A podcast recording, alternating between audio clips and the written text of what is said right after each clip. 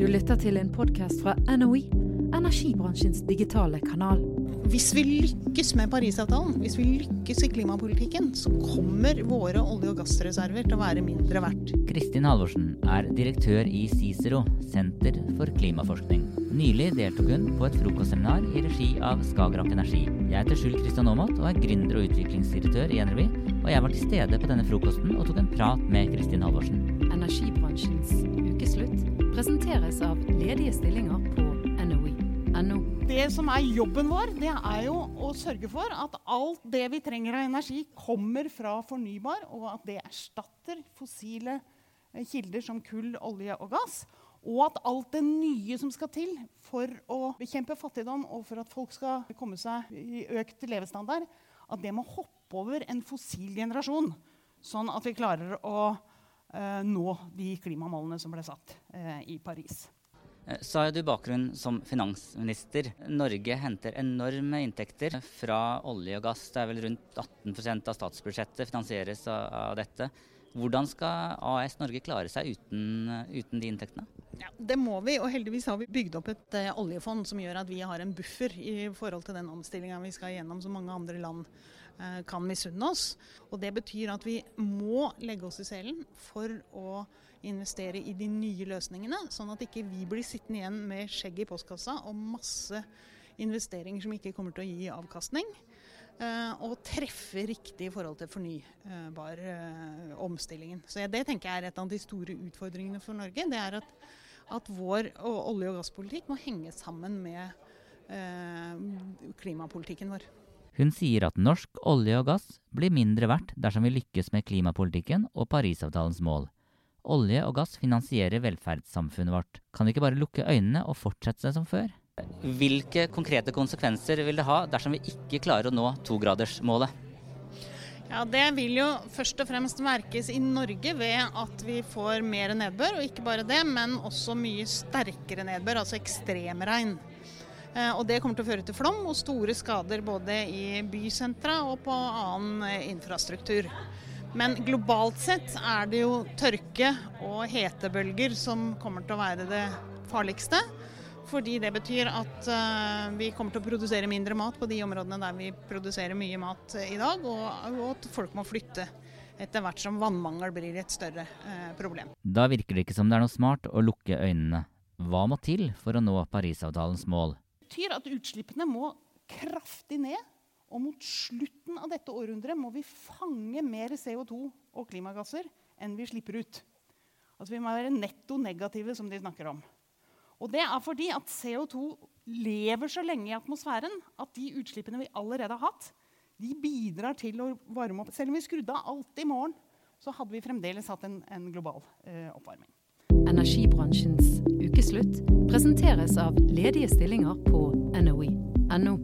Parisavtalen er en internasjonal klimaavtale som ble vedtatt under klimatoppmøtet i desember 2015 i Paris.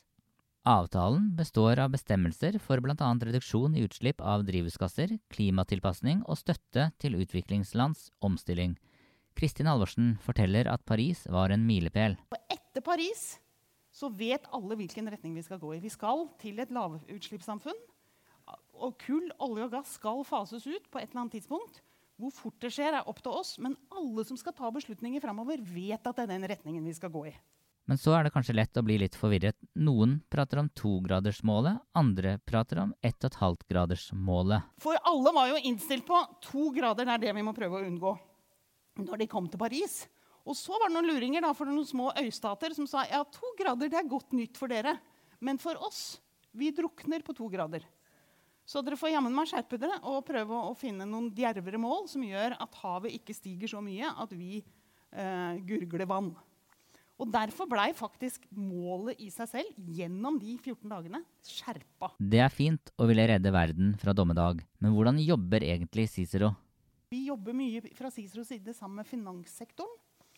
Fordi at noen av de som kan eh, få de største kostnadene ved klimaendringer, eller gjøre de største feilene, det er jo de som gjør de største investeringene. Og Det betyr at vi er i kontakt med BlackRock, med Verdensbanken, med oljefondet eh, og diskuterer hvordan kommer klimaendringene til å skje. Hvilke områder er det som er utsatt? Hun fortsetter med å gi eksempler på skader som følge av klimaendringene. København 2011 hadde i løpet av ett døgn så mye nedbør at forsikringsskadene etter bare den ene døgnet var på mer enn 5 milliarder kroner for de private forsikringsselskapene. Og det handla om vann som rant inn i kjellerne til folk. Og etter det så begynte København å bygge byer som var sånn rein, hvor veiene blei litt uh, hva skal si, samla vann på vei ut i fjorden. Istedenfor at du bygger dem sånn som vi gjør for å unngå vannplaning. Det er avleggs. Bygge uh, parker sånn at de kunne bli innsjøer og forsinke vannet så de gjorde mindre skade. Bygge grønne tak sånn at det kunne forsinke vannet. Uh, i, I, samme år var det et voldsomt flom i Bangkok i Thailand. På det området var det 804 forskjellige industribedrifter som leverte komponenter til bilindustrien og IT-industrien. alt det blei jo forstyrra og forsinka. Og de totale kostnadene ved det ble beregna til å være 44 milliarder amerikanske dollar. I NRV skriver vi om alle former for energi. Vi skriver mye om olje og gass, men vi skriver også mye om vannkraft. Vårt inntrykk er at vannkraftens rolle i det grønne skiftet er underkommunisert. Siden vi er hos Skagerrak Energi, huker vi tak i direktør for kommunikasjon og myndighetskontakt, Christian Norheim, og vi spør om han deler vår oppfatning. Ja, Det vil jeg egentlig svare ja på. Ehm, for eh, jeg tenker at det er utrolig mye fokus på det grønne skiftet og på eh, veien mot eh, nullutslippssamfunnet. Og godt fokus på sol og vind, og det man kan kanskje kalle mer sånn sexy fornybar eller ny fornybar.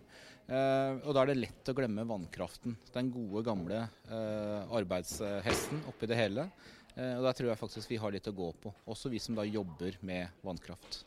Men tilbake til Kristin Halvorsen. Hun mener vi kan kutte klimagasser innenfor mange områder, men innenfor jordbruk er det så å si umulig. Vi kommer ikke til å klare å komme i null på jordbruk. Og det er fordi at vi har drøvetyggere, sauer og kuer. Og de er de eneste som klarer å omsette gress til menneskemat. Og vi kommer ikke til å ofre fårikålen eller en biff en gang iblant.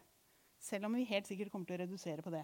Men det betyr at det kommer til å være klimautslipp knytta til jordbrukssektoren, selv om vi kan gjøre en del. Energibransjens ukeslutt presenteres av ledige stillinger på NOI.no.